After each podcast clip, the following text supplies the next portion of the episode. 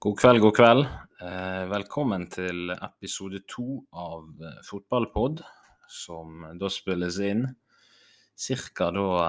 20-22 timer, ca. ett døgn senere etter innspilling av episode én. Det er fortsatt meg, Fredrik Mjeldheim, som er i studio, og eh, jeg ønsker å oppsummere det som har vært en eh, utrolig eh, fartsfylt eh, lørdag i Premier League. Det var både Arsenal-Tottenham, eh, Liverpool-Brighton og til slutt Westham mot Wolverhampton. Alle kampene var vel Ja, det var, det var mye mål. Det var mye klabb og babb òg i alle kampene, men mest av alt så var det på en måte spenning hele veien, da. Og så er jo det helt utrolig når vi kan få servert en, en seksmålskamp mellom Liverpool og, og Brighton. Eh, akkurat nå så har jeg i bakgrunnen eh, Mallorca mot Barcelona i La Liga.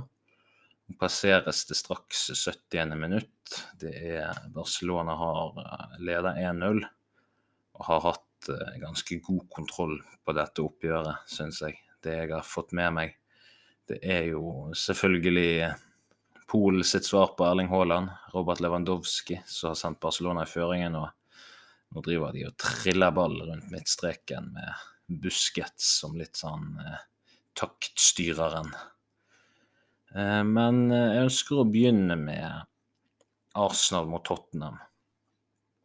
For det var eh, litt sånn som jeg var inne på i går, så var det jo en kamp der Arsenal hadde initiativet. Det var eh, Tottenham la seg bakpå. Eh, De, de er jo kjent for dette med ikke presse på motstanderen sin banehalvdel i stor grad. Men samtidig også så fant Viaplay fram en ganske interessant statistikk før kamp, og det var jo at eh, Tottenham er best i ligaen på at snittavstanden de får skudd imot på, er faktisk på 16,9 meter. Som vil si at eh, de aller fleste skuddene Tottenham slipper til, er faktisk utenfor 16-meteren. Men eh, det er jo ikke et problem når eh, Thomas Party kan skåre fra, fra 18-19 meter med den, med den kanonsleggen han sendte av gårde etter det var en, eh, en pasning fra Jeg husker eh, Saka var tre sist på ballen. Jeg husker ikke umiddelbart hvem som hadde assisten, men eh, Thomas Party knadrer i hvert fall den ballen rett opp i, opp i høyre hjørne, og Jorise etter han, men får ikke helt uh, tak i han. Og når det var uh, Thomas Party som sender Arsenal i ledelsen, så var det én ting jeg tenkte mye på, og det var dette her med at uh, Jeg husker når jeg så første sesongåpningen i Premier League i år. Det var jo Crystal Palace mot Arsenal. Og så husker jeg at hver gang Thomas Party hadde ballen, så ble han buet på. Og så måtte jeg inn og, inn og google dette, her da, fordi at jeg, jeg visste jo ikke helt hva det gikk i. Og da er det et eller Han har noen anklager eh, for seg som han skal i retten mot, eller om han er siktet for under etterforskning, det husker jeg ikke helt. Det er i hvert fall noen anklager om, om overgrep der, og eh, det er litt sånn, uten at jeg skal spekulere i skyldig eller ikke skyldig, det er ikke, det er ikke min jobb, men det er jo litt interessant at uh, Altså, se Thomas Party, du spiller i et Arsenal uh, som akkurat går glipp av Champions League. Og så uh, plutselig så leder Arsenal ligaen, og så er det han i kanskje største, det største rivaleriet for Arsenal mot Tottenham. Det er han som sender de opp i føringen med et, en sånn skåring. Jeg bare, bare husker bare ett ord som jeg tenkte på og det er liksom litt sånn redemption, nesten. At uh, nå, nå har han spilt seg tilbake igjen i Det er jo ingen måte, bedre måte å spille seg tilbake i hjertene til Arsenal-fansen på enn å enn å skåre på akkurat den måten der mot Tottenham. Uh, så det var stort. Og eh, det som òg er interessant med Party, er jo at uh, han kom jo fra Atletico Madrid. Har vært mye under Diego Simione i dette 4-4-2, ekstremt defensive systemet. Og eh, jeg føler at han, eh, istedenfor å spille som en defensiv midtbanespiller i 4-4-2, jeg føler han blomstrer litt mer når han kan være en en hålende midtbanespiller sammen med, med Chaka og spille i et offensivt orientert Arteta-lag fremfor defensivt Simione-lag. Jeg føler at eh, det er noe både Thomas Party og Granit Chaka har tjent veldig på. Det var litt sånn som vi var inne på i forrige episode med, med Chaka sin vei tilbake da, til, til toppen av Arsenal-supporterne sine hjerter. Og til og med han eh, skårte jo i det eh, som endte opp med å være siste målet i, i 3-1-oppgjøret.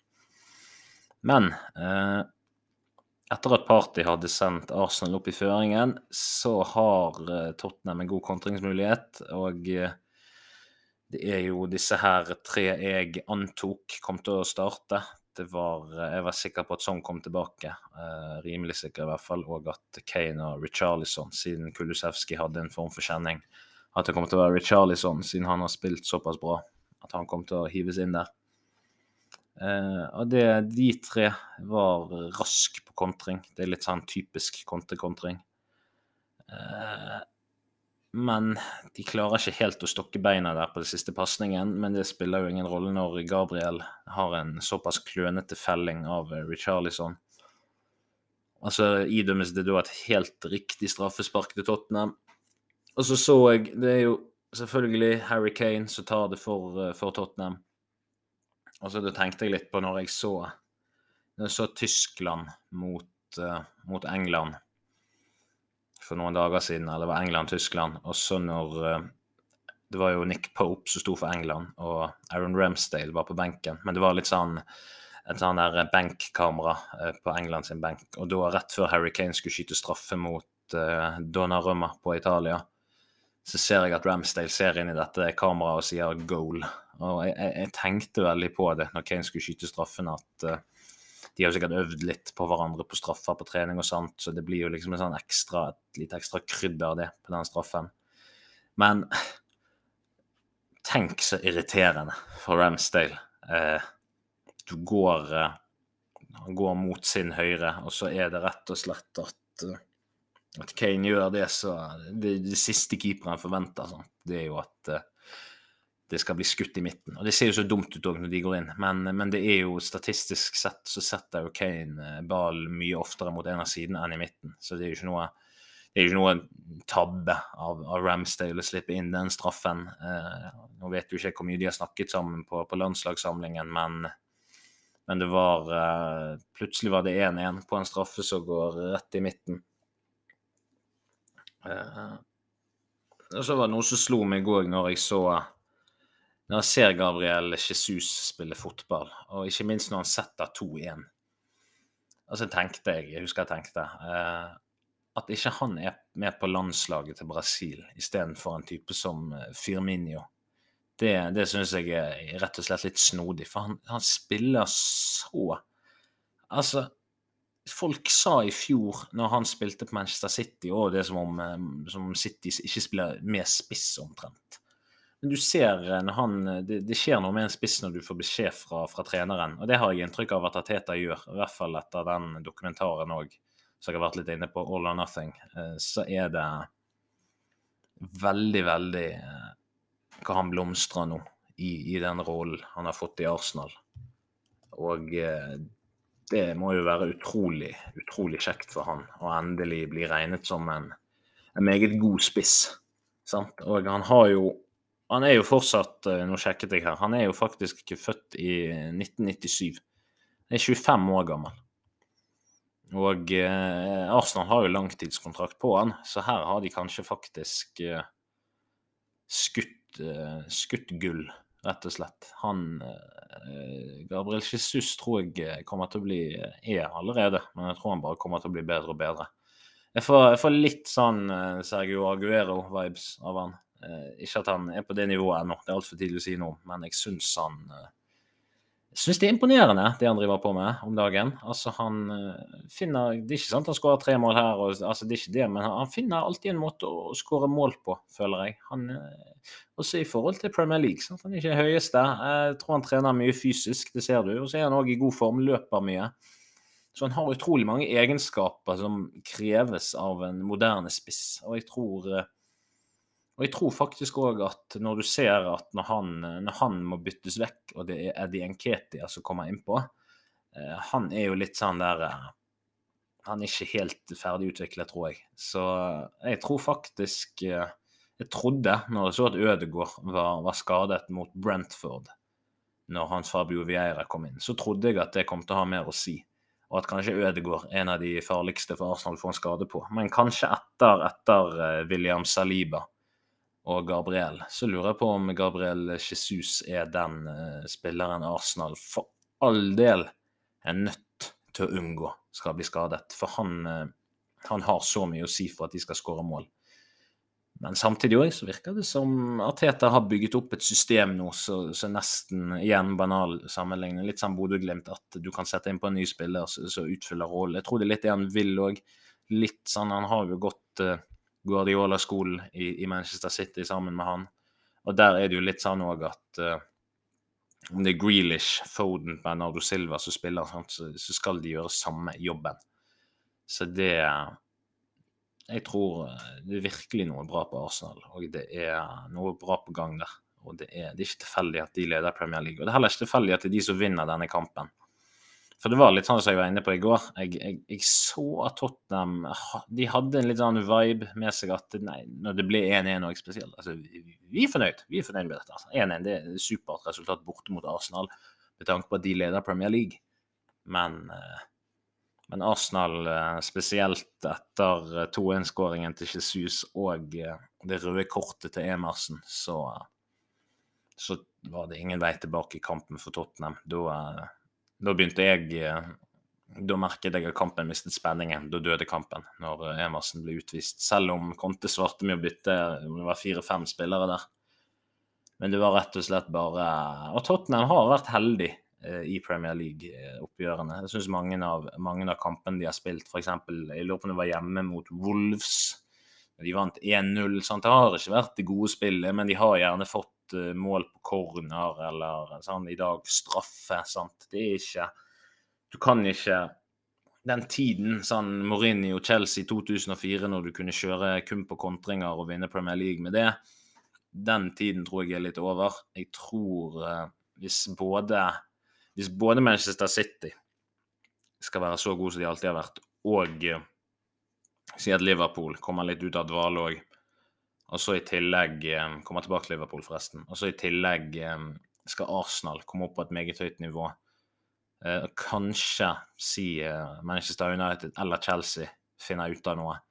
Da tror jeg Tottenham kan falle litt bakpå. Jeg vet det sa i går at, at de kan komme høyt opp. Eh, men man, man, blir jo på en måte litt sånn blind òg når de får såpass mye ut på dårlige dager. Det er jo ofte det som kjennetegner et, et, godt lag, det at de klarer å vinne selv på en dårlig dag.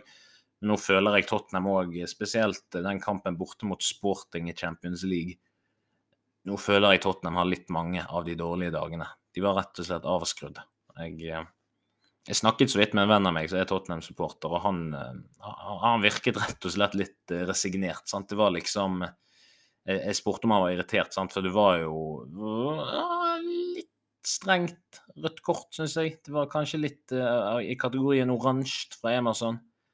Eh, men han, og han pleier å bli meget irritert når det er noe med Tottenham, men han var litt sånn at det, det spiller ingen rolle med et rødt kort, for dette vinner ikke uansett. sant? Det, det var litt den følelsen jeg også satt med òg, at, at her, her, har de ikke sjans, fordi at de fikk de, Tottenham sitt spill og systemet det, det klarte Mikkel Arteta på hjemmebane å kle litt av i dag.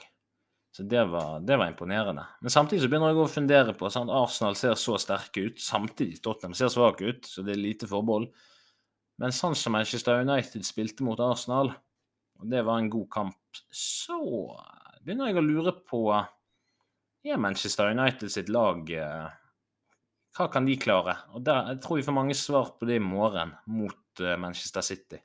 Det tror jeg absolutt. Dette her er tror vi kan ha en uhyre spennende sesong i vente hvis dette her fortsetter. For, for, for å være ærlig, da, så lenge ikke Manchester City eh, leder Premier League, så er det jo spennende. De har vel vunnet fire av de fem siste sesongene, eller fem av de siste seks kanskje òg. Så Men det var òg gøy å se, å se, Altså gøy og gøy, men altså, å se Chaka skåre igjen, det var Det tror jeg er stort for han. Jeg tror Han har vel ikke nytt en bedre standing og periode i Arsenal enn det han har akkurat nå, tror jeg. jeg tror òg det hjelper mye for han å, å slippe den, eh, den, byrden det kan være å være kaptein. Jeg tror, eh, jeg tror Martin Ødegaard Det er jo mange som blir overrasket når Martin Ødegaard ble kaptein for Arsenal. Sett med norske øyne er jo det bare kult, men, eh, men jeg tror Chaka blomstrer veldig på å ikke ha det ansvaret i tillegg. Det, det, det tror jeg vi kan slå litt fast. Altså. Han, han har gode kamper om dagen, og han er i form og hele Arsenal er i form. Så det gikk litt sånn som antatt denne kampen her. Men, eh, men samtidig òg, i disse kampene her, ofte det laget som skårer først, så, så får, eh, får, litt rytmen i dette her. Så eh, ja, det var rett og slett litt, litt gamle Spurs-vibber i dag. Litt sånn under slutten på Pochettino. Jeg syns Tottenham ser litt handlingslammet ut. Så det, det, tror jeg de er nødt til å nøste litt opp i. Um, Conte har fått mye av det han har pekt på. Han har fått Bizuma, fått Richarlison. Han har eh, Det er, det, det, det er dybde i denne stallen. De kan få til noe, men, men, akkurat nå så tror jeg de, de trenger noe De trenger å komme litt inn i en back to basics, syns jeg. Det, det ser litt sånn ut. Uh, etter det så, så fulgte jeg, eh, siden det var så mange kamper startet samtidig, jeg fulgte Liverpool mot Brighton. Uh, fordi at altså Liverpool har ikke vært helt i tipp topp shape. litt ugjenkjennelig i forhold til de siste sesongene. og så hadde Brighton ny manager i Roberto Di Serbi. Og det var det som ofte skjer. sant? Nå har Klopp styrt skuten der i om det er syv år, eller noe sånt. Og det som ofte skjer da, de sier jo det at en manager etter tre år, så spiller han litt mett av ideene. Så da må du enten bytte ut laget, eller så må du bytte ut mange spillere. Altså, stammen må, Du må jo være en viss stamme igjen, men, eh, men flere av spillerne må gjerne fornyes. Sant? Du har sett Sadio Mané har gått til Bayern München, gjør det for øvrig bra der. Eh, og så har det kommet inn en del nye spillere. Men i dag var det litt back to basics, da, når han startet med Msala, Firminio, og så Hvem var den siste der? Et øyeblikk skal jeg bare se her på, på laget som startet. Det var jo, ja var Fabio Carvalho som spilte første omgang, og Luis Diaz spilte andre. Spennende kombinasjon, det. Men eh, det var jo litt sånn eh, Som vanlig så var Det er jo nye normalen med Liverpool. De var avskrudd. Eh, jeg føler første halvdel av første omgang, det er da de er helt eh, Da er det liksom som om de ikke har fått med seg at kampen har startet helt. Og det, det er noe Liverpool trenger å luke vekk. For det at eh, det er, det er såpass mange gode lag i denne ligaen. Du har topp seks, og så har du så mange gode lag nå som ønsker å være best of the rest. Du har styrtrike Newcastle. Du har du har Westham, tror kan blande seg inn der. Nå er, har de kommet inn i et godt spor. Du har Everton har ambisjoner om det. Wolverhampton har ambisjoner om det. Uh, så det er, det er, flere lag der som ønsker å blande seg inn i topp seks. Så det er Liverpool er nødt til å For de spiller jo bra fotball. Det, det, er jo ikke det det står på. De er jo, det er jo til å kjenne igjen. Det har vært noen utskiftninger og disse tingene her, men, men de spiller fortsatt bra fotball. Det er jo altså de siste I hvert fall andre omgang så er jo Liverpool til å kjenne igjen. Men de er nødt til å, å komme litt over den kneiken de har nå med å med ikke møte opp til kamp. Jeg ser det er mange som uh, klandrer uh, mye på Alexander Arnold for tiden, og, men jeg syns jeg ser at det, det, er flere spillere hos Liverpool som ikke er på sitt aller, aller beste. Men det, det, det, er jo litt sånn typisk eh, det, vi, det, vi, ser nå på Liverpool. Litt sånn der du har nytt mye suksess. sant? De har jo på mange måter, selv om det var i et koronahalvår, de har vunnet eh, det meste som går an å vinne nå. sant? I, i fjor vant de ligacupen, FA-cupen. Året før der uh, var det Premier League. Året før der vant de Champions League. sant? Så de har jo de har jo sopt til seg alt sammen, sant. Og så har du, du har beholdt uh, litt sånn som uh, jeg, jeg, jeg, For å dra en sammenligning til Real Madrid sesongen etter Ronaldo dro. Det var et mett lag. Uh, og så har Real Madrid sakte, men sikkert beholdt en, en sånn stamme av spillere. Sant? Tony Cross, Luka Modric inntil nå, Casemiro. Og så ta, har det kommet inn mange sultne unge. Og jeg tror Liverpool har en litt sånn sesong nå, som Real Madrid hadde da etter Ronaldo dro, at, at du har du har sultne unge spillere, og så har du de erfarne. Og så tar det litt tid å komme tilbake igjen til, til the winning ways. For du ser jo at, at, fundamentet for at de skal spille den fotballen vi, vi, kjenner de for, det er der. Men, men, jeg tror det kommer til å gå noen måneder. Om det går hele sesongen, vet jeg ikke. Men jeg tror de kan ha en litt sånn offseason denne sesongen. Og så tror jeg Klopp nyter såpass høy standing i, i Liverpool nå. Uh, det, det vet jeg at han gjør. Uh, så jeg tror han får den tiden han trenger til å snu dette her. Jeg tror kanskje det er flere der som er innstilt på at dette kan ta litt tid. Du har eh, De har jo gått litt vekk fra lønnsstrukturen sin med Sala, sant? gitt han 350 eh, 000 pund i uken, tror jeg han tjener nå, og eh, for at han skal liksom være en del av litt sånn eldre stammen, som fortsatt er en av verdens beste spillere, da, vel å merke. så jeg tror jeg tror Liverpool på en måte Og det er litt sånn skummelt, for de spiller ikke dårlig. De har dårlige resultater. Men hvis dette er liksom det svakeste Liverpool, så sier det noe om hvor sterk de kan bli, føler jeg. For det at jeg tror, jeg tror de kommer til å komme. Og eh, nå ser du at Darwin Nunes har hatt en litt sånn trå start. Tror det kan sitte litt psykisk der òg. Han hadde jo utrolig god åpning mot Fulham med den eh, helsparket rett i mål. Eh, men nå ser du Firminio. Han er vel inne i sitt siste kontraktsår. Gjerne litt sånn ekstra motivasjon da til å, til å spille bra. og misforstå meg rett, men Firminio har hatt gode kamper, syns jeg. Jeg syns han har vært en av de som utmerket seg som, som å spille bra i et litt dårlig lag. Uh, og det igjen for å dra litt den der Real Madrid-referansen. Litt sånn Ikke at han er noen Benzema, det er han ikke, men men hvis han kan ha en god sesong òg, eh, og si de får Nunes i gang òg, så har du plutselig Og med det eh, kampprogrammet som er nå i oktober Så det å ha to gode spisser, det, det lønner seg. Det syns jeg. Eh, for å gå litt inn på Brighton òg, så de, de, har jo vært et friskt pust nå i flere år. Jeg tror de òg har ambisjoner om å være med, blande seg inn der best of the rest. Gjerne kanskje inn i en topp seks òg. Var jo ubeleilig for de å miste Graham Potter til Chelsea. Eh, det var en liten periode jeg så Kjetil Knutsen hadde lavest odds på å ta over Brighton eh, på noen av bettingselskapene. Så, så, sett med våre norske øyne så var jo det litt trist, fordi at uh, han ble jo linket til Leicester òg. Men, eh, men, å ta over en klubb i så mye rot, når han har vært vant til så mye orden i Bodø-Glimt Du ser jo bare når Kjetil Knutsen var trener i bergensmiljøet. Eh, han hadde Fyllingsdalen, han hadde Åsane. Eh, det lyktes ikke. Han stiller høye krav til omgivelsene. Og trenger at alt det utenomsportslige òg er på stell, og at hans ord tror jeg må være litt lov. Ja, det er teamarbeid, men han Jeg har hørt at Kjetil Knutsen har, og lest om at han har eh, krav til BMI, kost, eh, klubbstruktur, rammer, sant, hierarki, sant, som på en altså organisasjonshierarkiet. Så jeg tror Kjetil Knutsen vil ikke lyktes i Leicester. Det, det tror jeg ikke, sånn som den klubben er i nå, når de må få orden på ting.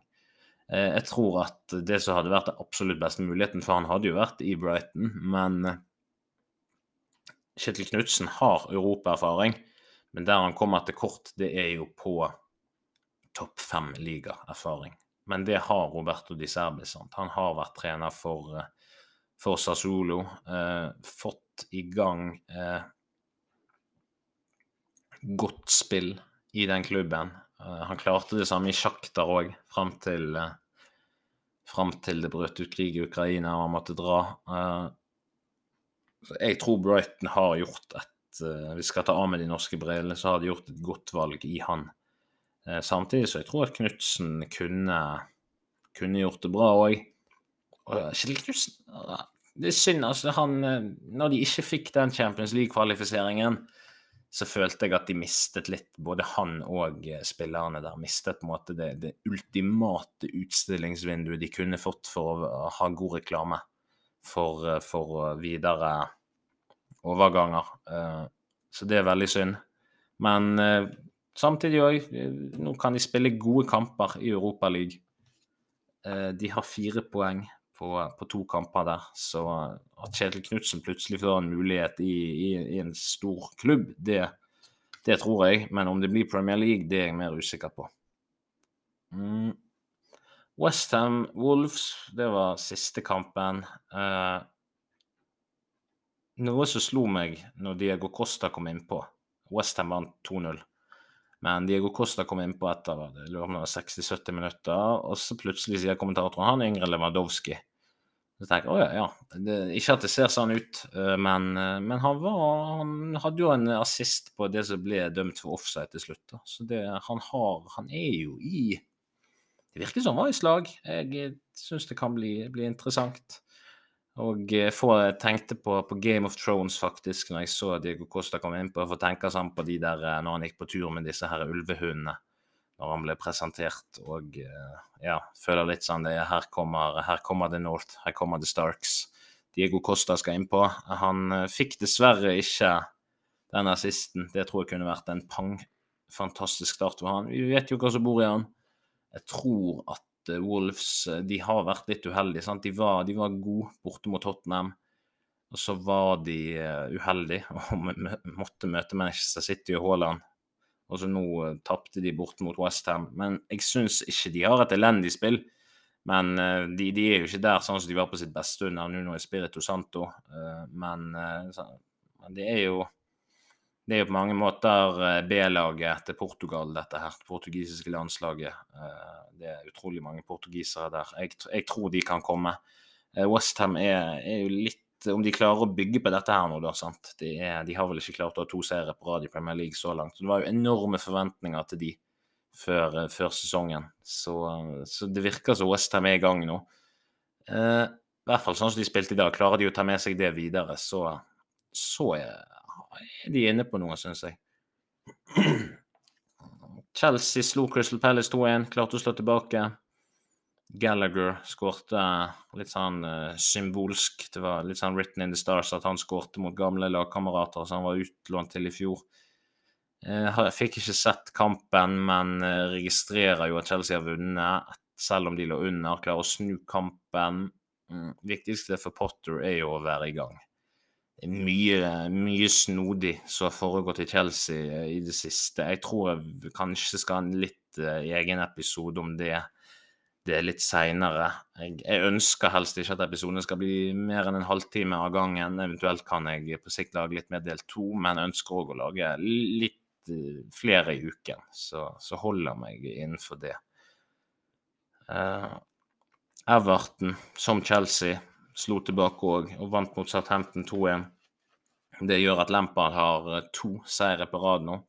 Så da har de meldt seg litt på òg. Og det som er interessant nå, det er at du ser at ja, Wolves taper, men de har godt spill. Uh, Fullham er på gang. Westham vant i dag. Og så har du Newcastle som spiller bra. Eh, de vant 4-1 mot Fulham i dag, visstnok, eh, Eller riktignok, men det var jo en utvisning tidlig til Fulham. Så, eh, så, det er utrolig mange nå som melder seg på bak topp seks.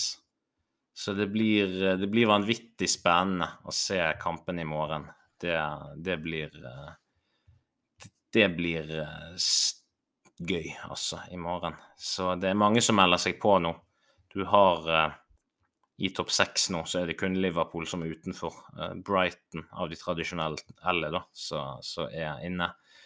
Uh, så det er Det kan bli en uhyre spennende Premier League-sesong, dette her. Så det var alt jeg rakk uh, for nå. Det kan hende jeg legger ut en del to-episode av denne. Det må jeg se litt an. Men i hvert fall gøy å få oppsummere dagens kamper. Dette var Fotballpod, episode to. Og eh, det er som vanlig Fredrik Mellem i studio. Takk for at du lytter på. Uavhengig av hvilken plattform du hører på, så, så håper jeg å være kjapt tilbake.